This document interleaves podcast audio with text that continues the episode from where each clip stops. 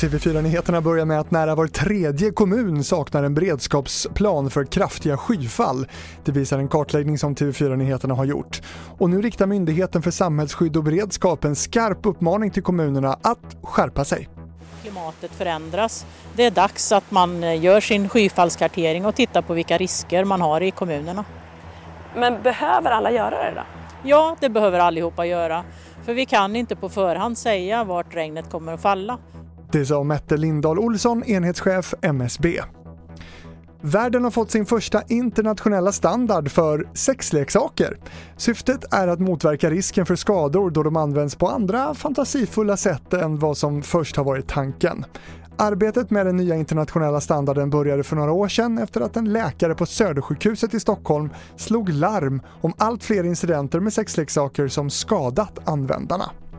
Och sist om att den här veckan så presenterar de vilka som vinner årets Nobelpris. Igår fick vi veta att fysiologipriset går till forskning om hur människan upplever temperatur och beröring och idag berättar de vem som får årets Nobelpris i fysik.